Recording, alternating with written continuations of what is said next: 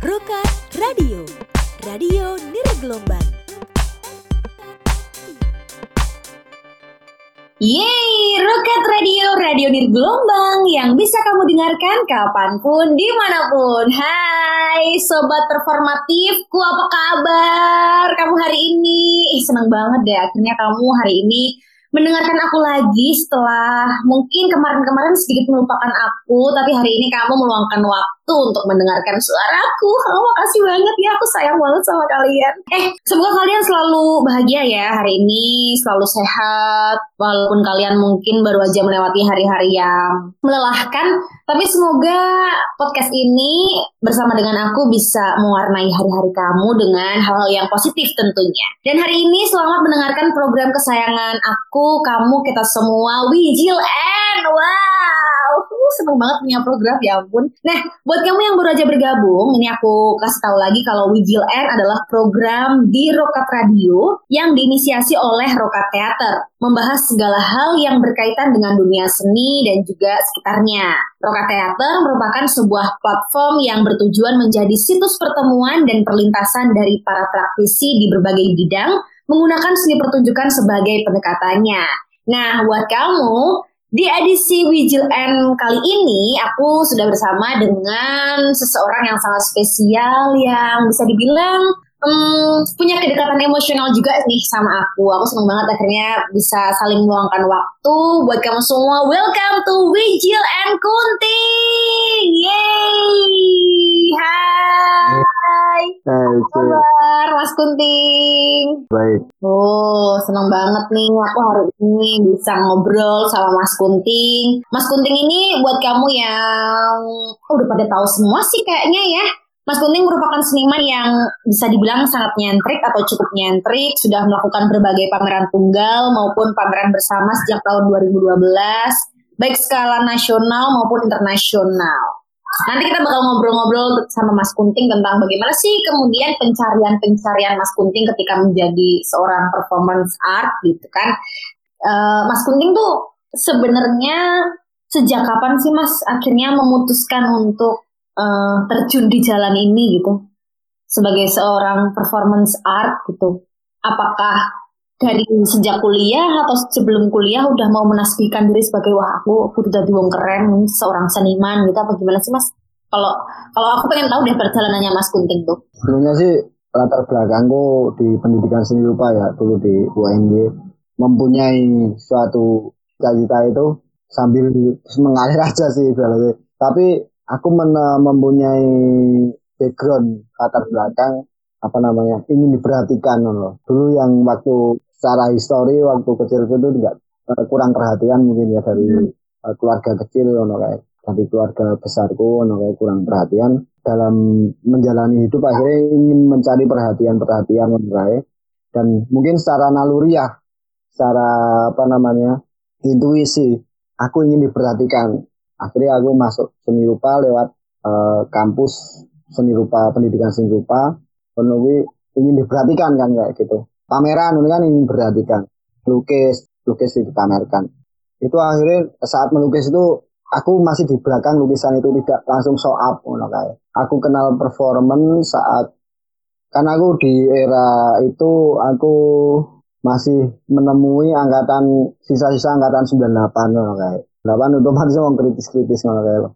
Bagaimana mendisiplinkan diri lewat kerja seni mereka dan bagaimana mengkritisi tentang sistem yang tidak tepat untuk mereka ngono kayak. Nah di situ kan ono kajian-kajian happening. Aku belum kenal performaan. Ah, saat aku membaca-baca dan bagaimana perkembangan seni, yang kono ono performance art Hmm. dan itu bisa aku bisa show up ning ngono kuwi ngono.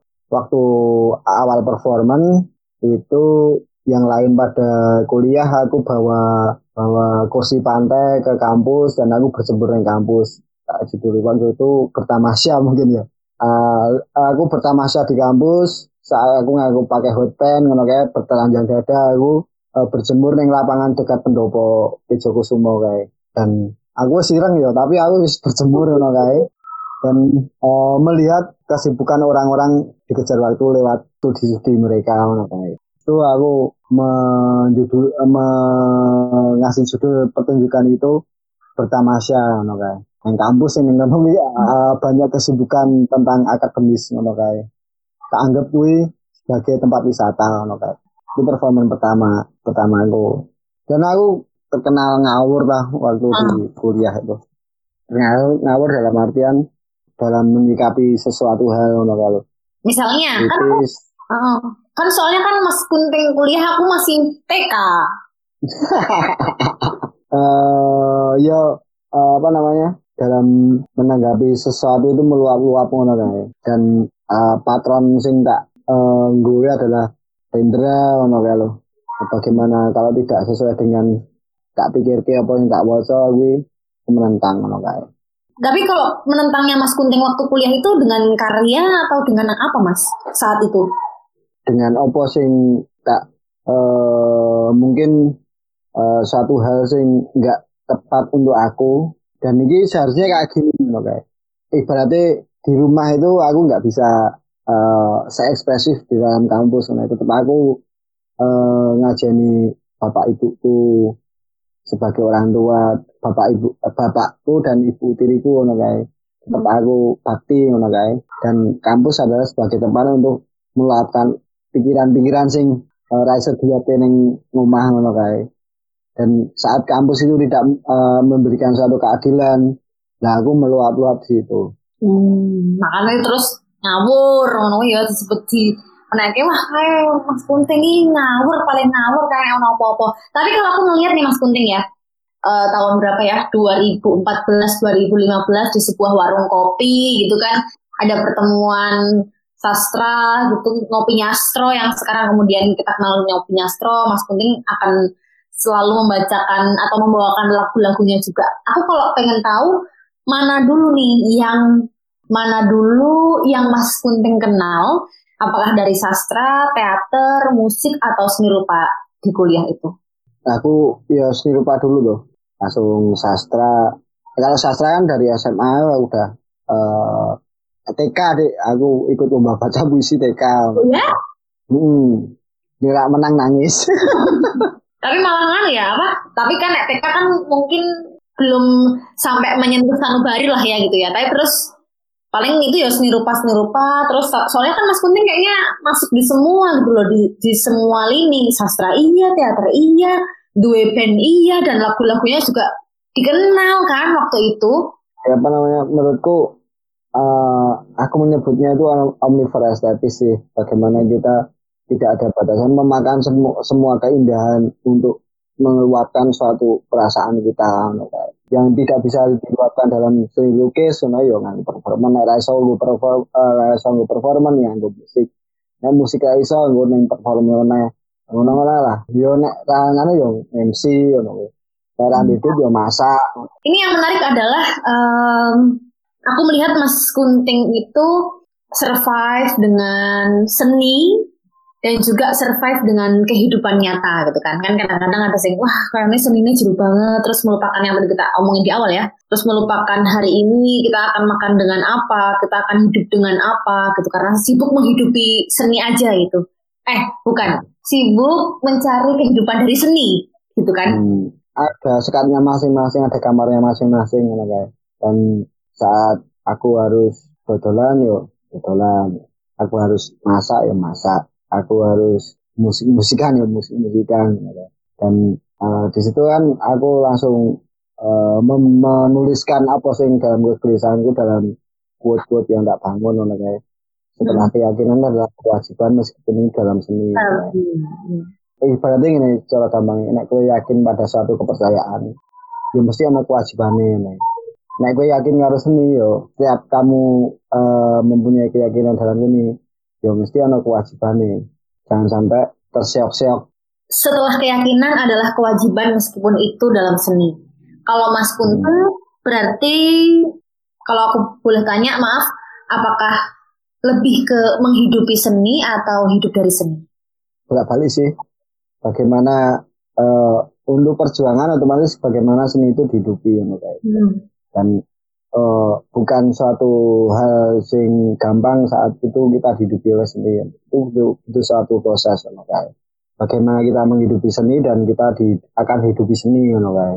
eh kui adalah proses yang panjang ora ora ora hal yang pendek ono kayak Karena karena aku di sedikit waktu yang kita kenal kurang lebih mungkin tujuh tahun gitu ya tujuh tahun dengan intensitas yang juga tidak terlalu padat kita ketemu aku juga ngeliat Mas Kunting koyone pentas terus perform terus main musik pameran yuk berjualan ya kan? Tahu tuna salad apalagi mas? Kayak banyak banget kan? Dan itu aku lihat kayaknya memang Mas Kunting memang sama rata di situ memberikan memberikan semua perhatian pada keduanya. Ya nggak? Ya itu bagian dari performance itu sendiri sih sebetulnya. Bagaimana menciptakan satu eh, jangan jangan sampai terframe bahwa akhirnya melakukan apa apa pun itu dianggap ngono ya lho.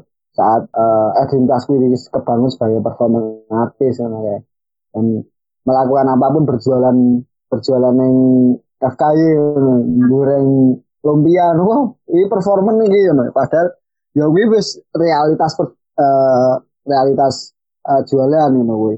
Ya wis mungkin kuwi identitas yang udah kebentuk ono kayak saat melakukan satu hal yang intens apa-apa bisa dikatakan suatu performance ono kayak dan menurutku itu itulah kekayaan dari eh, satu identitas ngono kuwi. Hmm. saat identitas itu kebentuk apa apa pun gue wis dianggap satu apalagi di wilayah performance ya neng kono kuwi eh, multidisiplin ngono kayak interdisiplin multidisiplin.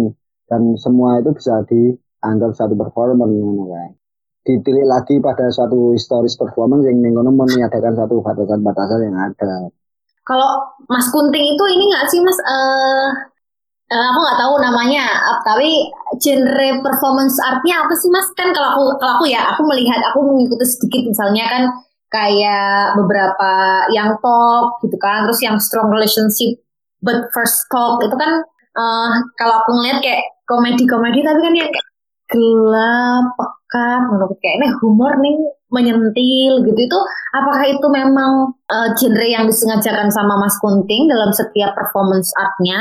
Atau hal-hal yang ditemui sehari-hari? Kalau Mas Kunting. itu yang tak temui sehari-hari kok. Ibaratnya yo itu bagaimana suatu karya yang udah disajikan itu interpretasi, masing-masing setiap orang yang menikmati ngono kae. dan bahwasanya itu adalah suatu hal yang tak temukan keseharianku hal yang tak dianggap seni ngono kae. hal yang remeh-temeh aku sering sekali mengangkat hal yang remeh-temeh bagaimana itu dihadirkan dalam satu pertunjukan ngono kae. Nah itu ah- ah- akhirnya yang sering kita jumpai dan bisa dianggap sebagai suatu karya kae. bahkan mencipta mem- mempunyai mempunyai memori-memori sing ning ngono kuwi ora uh fuck iki kok aku ora kepikiran yo. Ah, akhirnya ning ngono lah sensibilitas kita olah dalam keseharian akhirnya menciptakan karya yang dekat dengan kita ngono kae.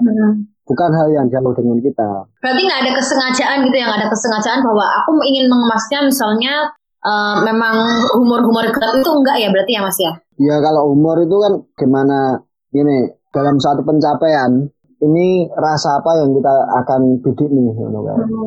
Bagaimana kita bisa mencuri rasa orang yang melihat dari pengalaman masing-masing orang yang melihat ngono kae.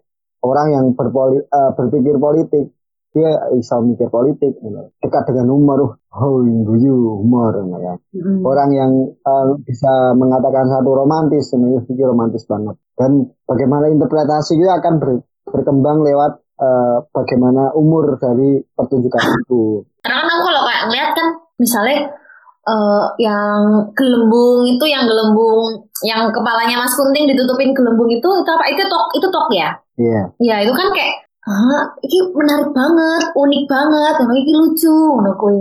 Tapi eh, yang ingin disampaikan ternyata eh, jeru banget dan gelap banget gitu ketika orang kemudian banyak bicara itu kan ketika banyak bicara itu tuh nggak lebih dari busa-busa yang akan segera hilang gitu kan itu kan kayak ah aduh jeru banget ternyata ngono kuwi kan aku pikir karena ada kesengajaan tapi memang ternyata dari mungkin kesan-kesan sehari-hari hal-hal yang ditemui sehari-hari dari orang-orang sekitar ya mas ya ya itu kan material material yang sederhana diangkat ke wilayah hal yang global lho. Gimana orang eh, berbicara itu me- me- mempunyai lawan bicara saat lawan bicara itu berbicara kita tidak memperhatikan apa yang dia bicarakan tapi kita berpikir apa yang akan kita bicarakan kadang-kadang kayak gitu.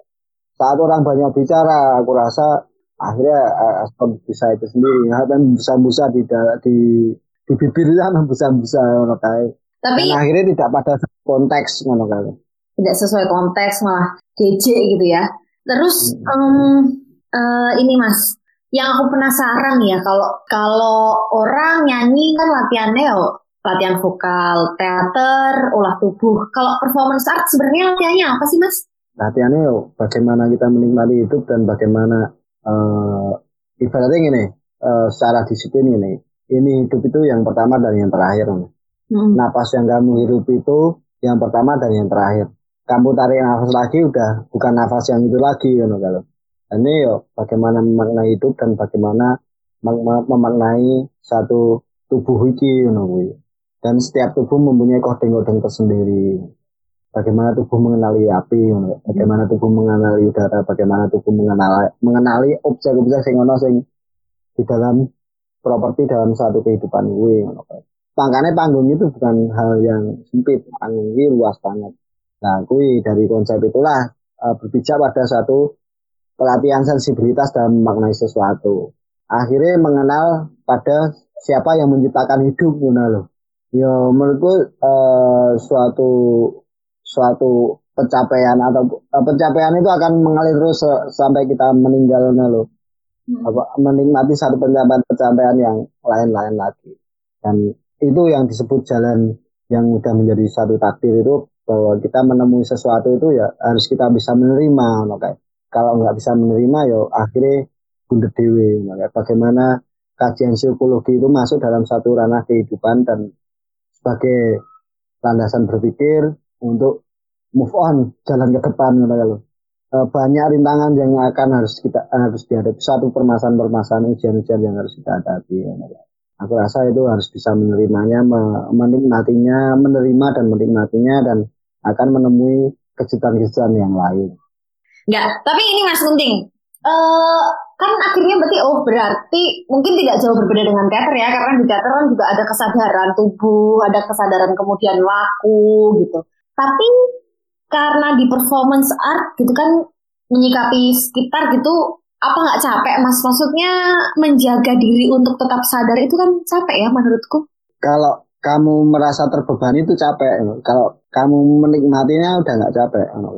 Karena menikmati bukan satu-satu bukan. Kalau kamu masih dalam ranah teater bahwa eh, bagaimana melatih tubuh, bagaimana melatih apa sing ngono kuwi dadi suatu disiplin sing eh, tuntutan ngono kuwi. Aku harus begini, harus begini, harus begini. Akhirnya itu capek. ngono kuwi. Akhirnya kamu eh, tidak bisa menikmati proses kuwi saat kamu latihan kuwi dalam keseharian apa yang aku sampaikan di depan tadi bahwa nyapu ki ngene iki ngono kuwi sing kudu disapu sing iki dan kamu tahu dibuang di mana dan kamu tahu bersih itu gimana ngono.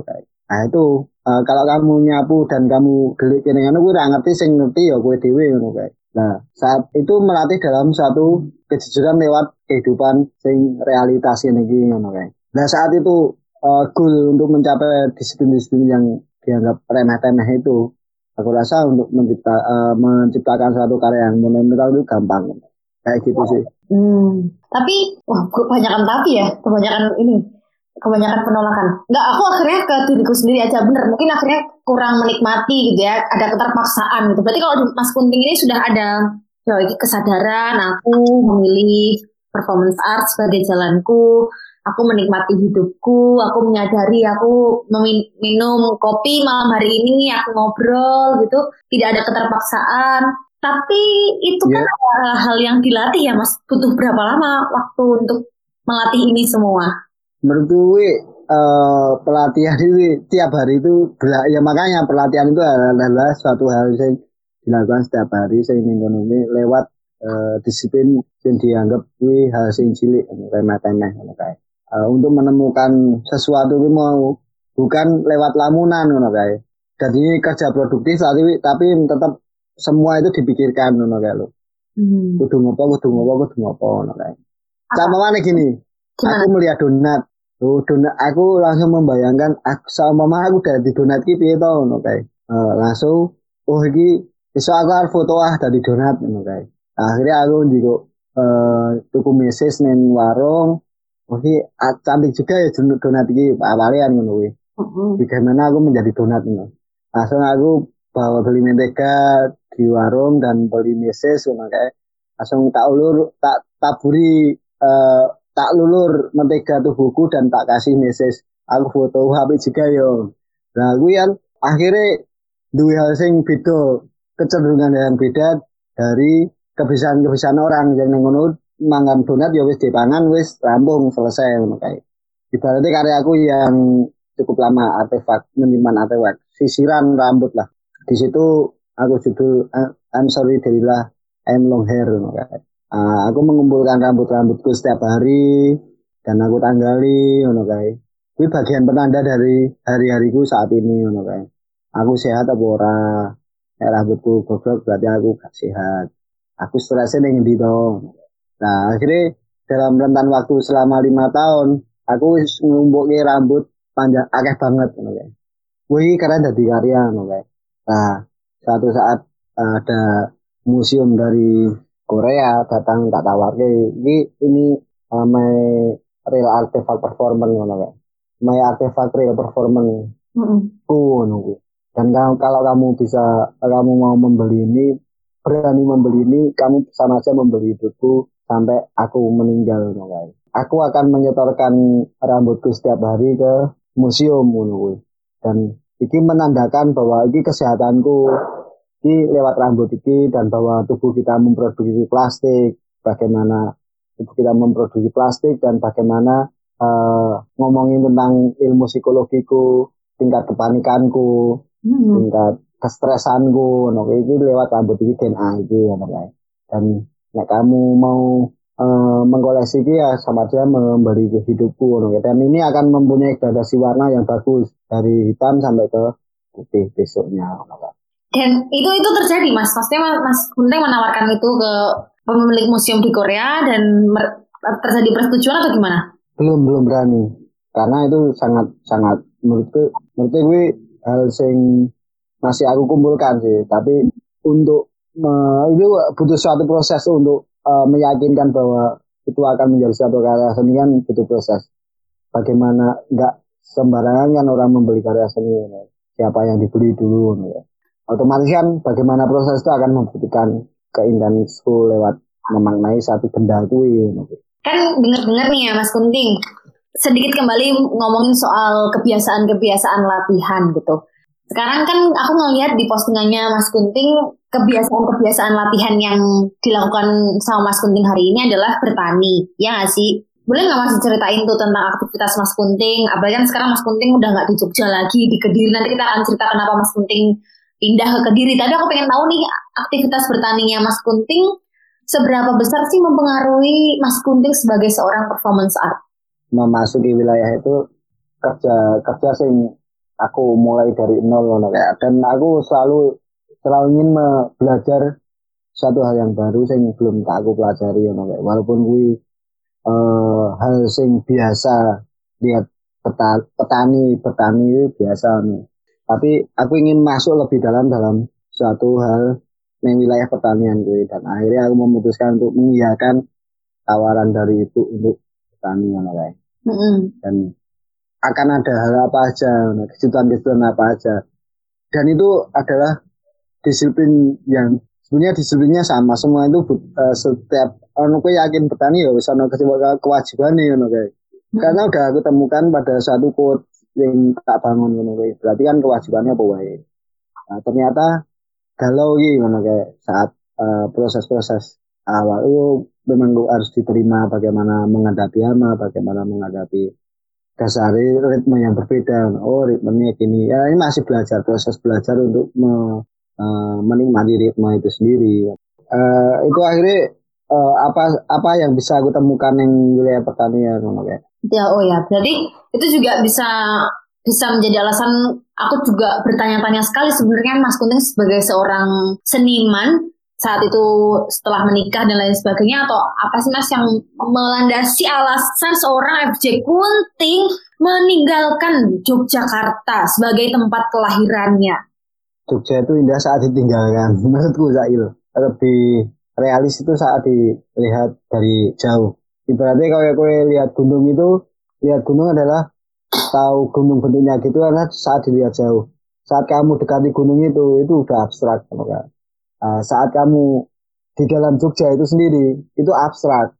Akhirnya ket sering ketemu banyak teman, teman udah udah kenal dan mm -hmm. uh, ini akhirnya terlihat sibuk banget, tapi uh, secara ekosistemnya sangat mendukung dan macam-macam pentas sing akhirnya ya rana filter sing uh, masa inkubasi mikirnya untuk diri kita itu mendi to Oh, jadi malah malah yang dilihat dari Mas Kunting itu ya, maksudnya ada memang masa-masa inkubasi yang diinginkan kan kalau orang wah Jogja karena Jogja memang banyak tempat, banyak lahan, orang-orang terbuka, maka kita akan semakin mudah untuk meroket gitu ya. Justru itu malah yang kemudian wah kok kayaknya aku harus mengambil jarak itu yang Mas Kunting akhirnya lakukan.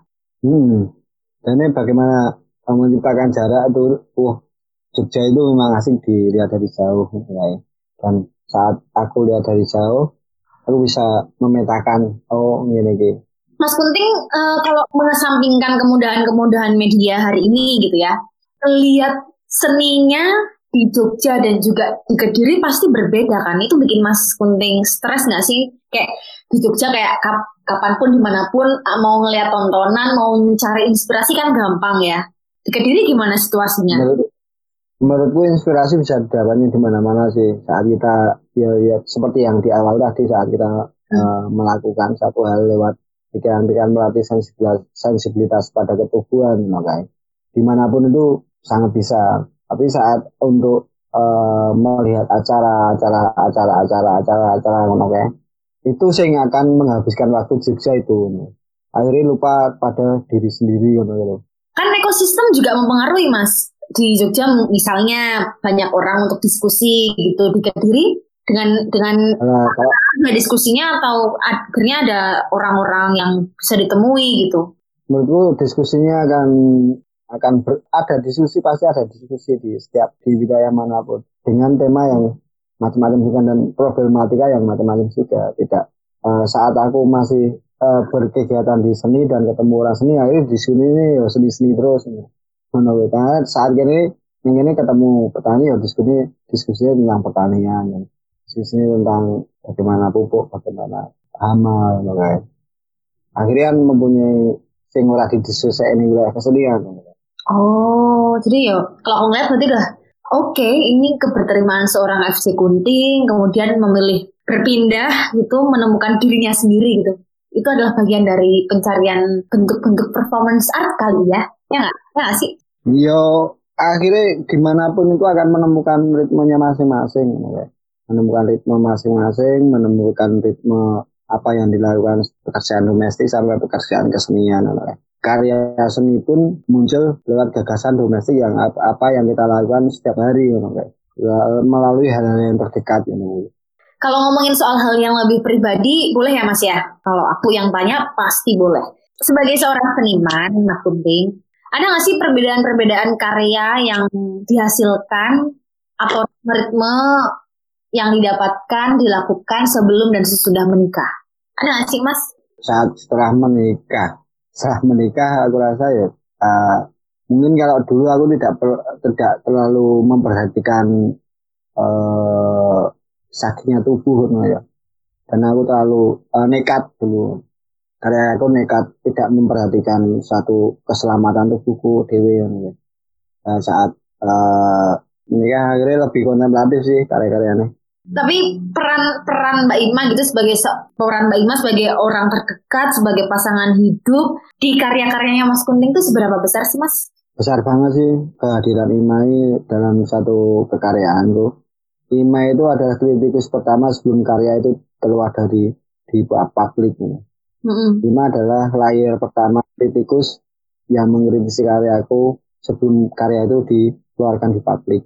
Itu sih kita diskusi lewat kajian dari uh, peso mana yang kita pakai mau yang lewat kajian psikologi kajian uh, politik kajian apa pun itu uh, kritikus pertama adalah Ima dalam uh, mengkritik karyaku sebelum karya itu keluar. Ima bilang gini karya nggak perlu banyak-banyak. Satu tahun 8 itu udah banyak eh, yang penting maksimal. Baik, Ma, kalau kamu mendengarkan podcast ini, kalau kamu mendengarkan apa kamu lagi senyum-senyum sekarang, Mas, em, kalau Mas, kalau kalau kita masih sekarang kan namanya bukan new normal ya, sekarang namanya adalah adaptasi kebiasaan baru. Nggak tahu nih nanti ketika podcast ini dita- ditayangkan, apakah pemerintah sudah memberikan nama yang baru untuk keadaan ini?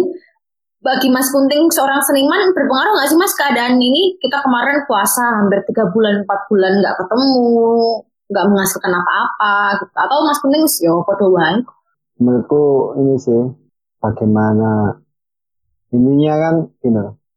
ini sangat teguran sih menurutku tetap asik banget semoga kita kita dikembalikan pada satu kowe fokus apa karo awakmu no. intinya ini eh, pandemi ini adalah kowe fokus karo awakmu no. bagaimana kamu mengerti pada dirimu sendiri untuk mengerti kepada orang lain gitu loh. Eh, bagaimana eh, untuk keselamatanmu adalah untuk keselamatan orang lain dan eh, menurutku ini masa inkubasi sing asik dan lebih produktif untuk setiap individu seluruh dunia ngono kae. Ini metode mungkin metode disiplin sing tak pakai sebelum 2015 ya bagaimana aku fokus pada diriku sendiri dan eh, saat keluar ya gue akan fokus pada kehidupan masyarakat dan aku rasa ini aku nggak kaget sih tentang eh, kondisi kayak gini karena ya di sebelum di 2015 aku mencoba untuk mendisiplinkan apa sing tak amini tak yakini dan aku harus bisa eh, melalui lewat step-step sing tak lakoni lewat disiplin sing tak bangun ngono. Uang kon topo kon inkubasi di ruangan masing-masing akhirnya akan keluar menjadi opo no. kalau mas Gunting kemarin berarti selama pandemi udah ada banyak ini ya bang bang untuk akhirnya di performance kan ditampilkan ditunjukkan dari inkubasi Yo, yo ada beberapa sing ning ngono kuwi akhirnya perlu layar-layar loh. Layar-layar sing iso di dan iso ding orang. Secara kontekstual me- untuk menandai zamannya itu otomatis satu momen sing tepat untuk mengeluarkannya. Tapi sepanjang Mas Kunting kan mulai perform tuh tahun berapa Mas Se- sebagai seorang performance art itu 2012 ya Mas ya? Aku kalau aku masuk kuliah 2005 2000 Dari 2004 2005 hingga 2020 ini ada nggak sih Mas karya yang mungkin Mas Kunting ingat gagasannya mungkin dari sesuatu hal yang terus terekam atau prosesnya mungkin berdarah-darah atau apa gitu. Ada nggak karya yang paling Mas Kunting ingat dan kenapa? Itu menjadi sangat berkesan untuk Mas Kunting. Karya yang aku ingat kuwi sing berkesan sih sing eh, bagaimana organize konflik sih bagaimana kita membuat satu konflik dan em, performan lewat kerja kerja intelijen sing menurutku kuwi asik di waktu binil tahun berapa ya hacking konflik judul binilnya hacking konflik Itu yang gimana sih Mas? Yang ngapain? di situ aku melakukan performan memakai kerja intelijen Hmm. bagaimana kerja intelijen itu dipakai untuk metode performan.